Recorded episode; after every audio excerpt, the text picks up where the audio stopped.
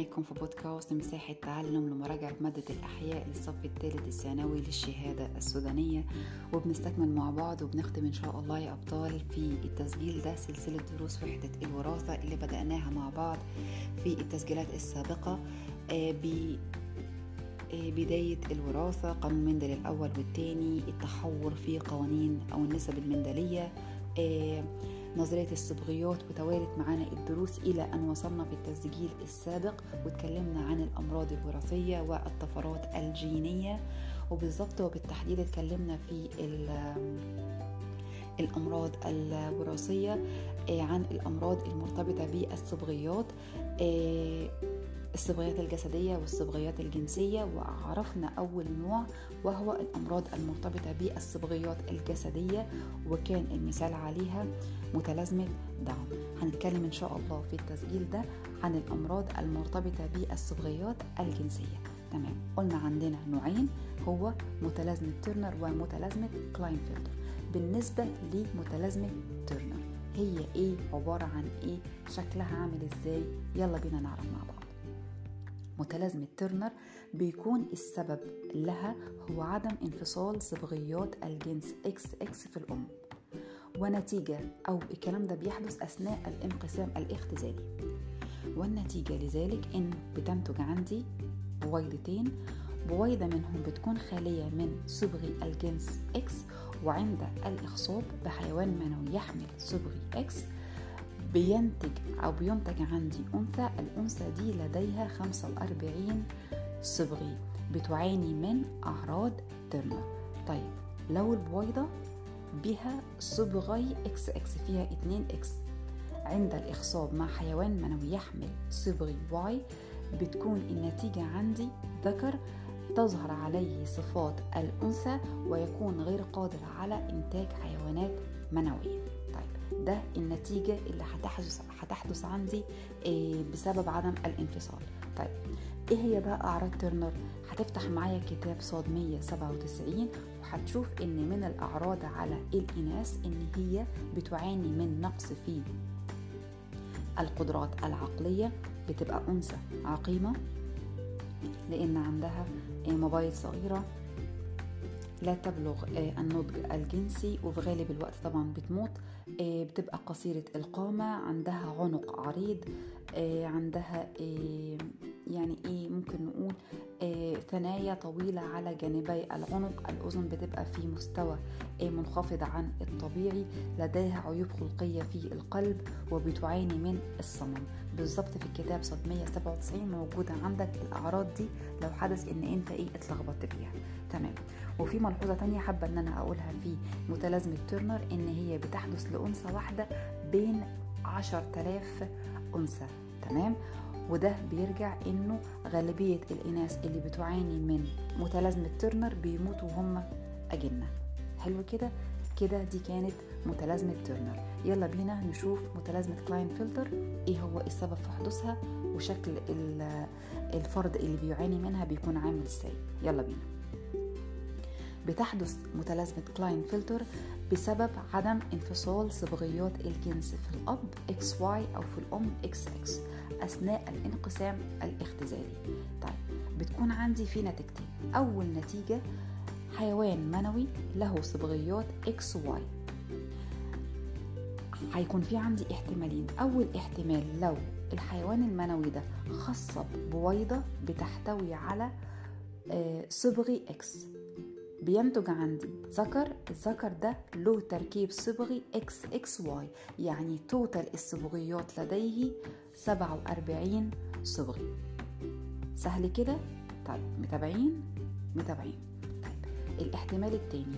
لو بويضة لها صبغيات إكس إكس عند الإخصاب أو التخصيب مع حيوان منوي بيحمل صبغيات Y النتيجة بتكون ذكر له تركيب صبغي Y الذكر ده بقى بيكون ذكر مظهريا ولكنه لديه نقص في الأعضاء الجنسية تتمثل في صغر حجم الخصيتين عدم إفراز حيوانات منوية بيكون بارز الأثداء وبيكون لديه ذكاء متوسط.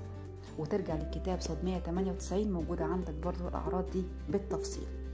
وبتحدث هذه المتلازمة لذكر واحد بين عشر تلاف ذكر يعني واحد ما بين ألف عفوا مش عشر تلاف طيب دي كانت أول نتيجة لمتلازمة كلاينفلتر. طيب النتيجة الثانية لمتلازمة كلاينفلتر لو كانت بويضة النتيجة الأولى كانت الحيوان المنوي. طب النتيجة الثانية لو كانت عندي بويضة لها صبغيات X X عند التخصيب مع حيوان منوي بيحمل صبغي صبغي الجنس X بتنتج عندي أنثى لديها صبغيات X X X ثلاث اكسات تمام؟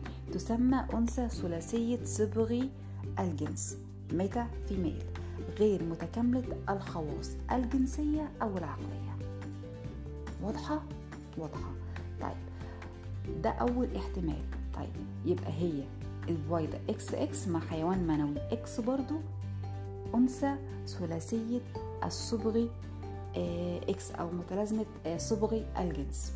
دي بيكون عندها نقص أو غير مكتملة الخواص الجنسية والخواص العقلية. طيب لو البويضة X X دي حصل لها اخصاب أو تخصيب من حيوان منوي بيحمل الصبغي X Y يعني بيحملهم كلهم هما الاثنين X Y.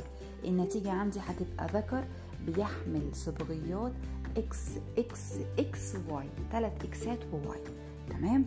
دي نتيجة مين؟ دي نتيجة الاحتمال التاني. يبقى دي كانت الكلاينفلتر وشفنا احتمالاتها. نصيحة هقولها وأعيد عليها. ذاكروا المتلازمة تيرنر ومتلازمة كلاينفلتر على شكل مقارنة. اتلخبطت في الاتنين جيب متلازمة كلاينفلتر الاحتمالين بتوعها لو كانت بويضة أو كانت حيوان منوي على شكل جداول هتطلع الفروقات وهتبقى سهلة عليك وانت بتذاكرها. بالشكل ده يا أبطال يبقى إحنا كده أتمينا الأمراض الوراثية المرتبطة بالصبغيات بنتكلم عن الأمراض الوراثية المرتبطة بالطفرات الجينية وهي نوعين أو مرضين الهيموفيليا والخلايا المنجلية.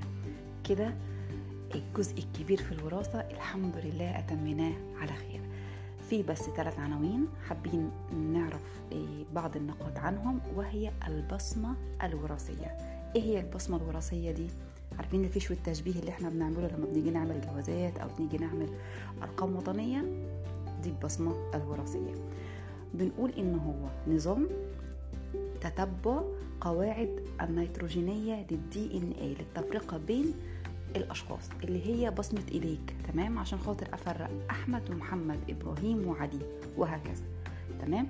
وطبعا من فوائدها طبعا ساعدت في حل كتير جدا من الجرائم وبتستخدم إزاي إن أنا ممكن آخد كمية دم من مسرح الجريمة أو شعر من إيه من مسرح الجريمة. ده بالنسبة للبصمة الوراثية. طيب الهندسة الوراثية. تعرفها ركزوا فيه شوية.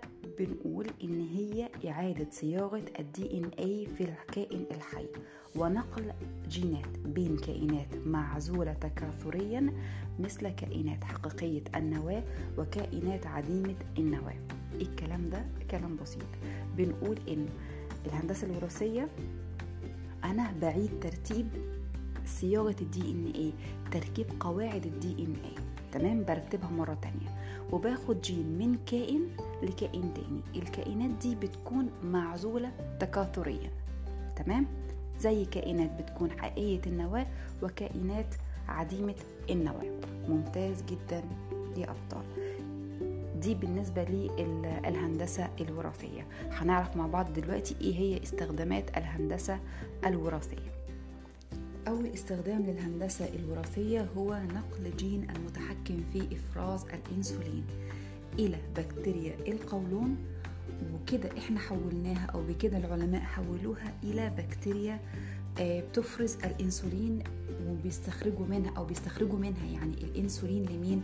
لمرضى السكر اللي هو الإنسولين اللي إحنا أو يعني بنشوفه طبعا في الصيدليات لأمراض مرض البول السكري. عافانا الله جميعا. ده أول استخدام للهندسة الوراثية.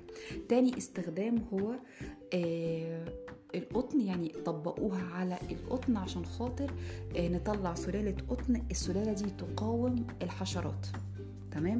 ثالث استخدام استخدموها العلماء أو طبقوها على فول الصويا والذرة الشامية اللي بتقاوم المبيدات أو بتقاوم مبيدات الحشائش. وطبعا أي وطبعا أي محاصيل بيتم استخدام الهندسة الوراثية معاها بيطلق عليها محاصيل محورة وراثيا أو معدلة وراثيا. طيب آخر جزء بقى معانا وهو الاستشارة الوراثية. يعني إيه؟ يعني الفرد بيذهب إلى مستشار طبي متخصص في الأمراض الوراثية تمام؟ خاصة بيكون الأفراد اللي مقبلين على آه الزواج لضمان طبعا آه نسل لضمان نسل النسل ده بيكون خالي تماما من الأمراض الوراثية تمام؟ حلو جدا الكلام ده. طيب المستشار الوراثي بيقوم بيعمل إيه أو المستشار الطبي الوراثي بيعمل إيه؟ آه بيعمل دراسة تمام؟ الدراسة دي آه لفحص الوضع الصحي للزوجين بيعرف التاريخ الطبي لأفراد الأسرتين أسرة الزوج وأسرة الزوجة تمام؟ وبيحط مخطط النسب للعيلتين وبيبتدي إن هو بقى يتكهن هل الأفراد دي حاملين الجين؟ طب الجين ده بيكون زائد الجين ده بيبقى متنحي؟ وهكذا. هي طبعا حاجة كده brief حاجة كده صغيرة خالص مش مش كبيرة. بس بيها أتمينا وختمنا على خير الحمد لله وحدة الوراثة. دروسها كانت كتيرة. أتمنى إنه صعوبة وحدة الوراثة أكون قدرت إن أنا أساعدكم شوية إني أسهل لكم شرح ومراجعة الدروس دي. كان نفسي إن يكون في عندي وقت أرجع فيه. نعمل يعني أو أصور لكم حل بعض المسائل. هحاول إن شاء الله في الموضوع ده ونحاول إن شاء الله إن الحلقات دي تنزل لكم قبل الامتحان بتاعكم. سعدت جدا بيكم وبالشغل معاكم وتلخيص المادة معاكم. شكرا لكم جدا. كنت معاكم أستاذة جهاد. thank you